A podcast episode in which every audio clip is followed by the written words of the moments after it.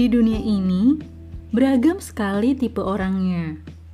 Dari langkah kaki aja, ada yang jalannya santai, ada yang cepat, ada yang lamban banget.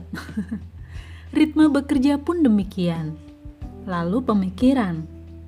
Karena latar belakang pendidikan, budaya, dan banyak unsur lainnya membuat pemikiran satu orang dengan yang lainnya pun berbeda. Belum lagi bicara tentang keinginan, perasaan, wah banyak deh faktornya. Dan satu-satunya cara agar keinginan dan harapan satu sama lain bisa terpenuhi, minimal diketahui, adalah dengan jembatan komunikasi. Ngobrol.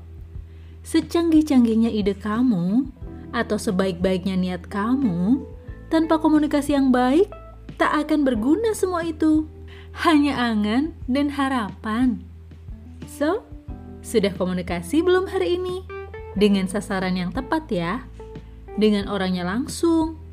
Bukan membicarakan niat dan harapan itu dengan yang lain. Anfaedah itu.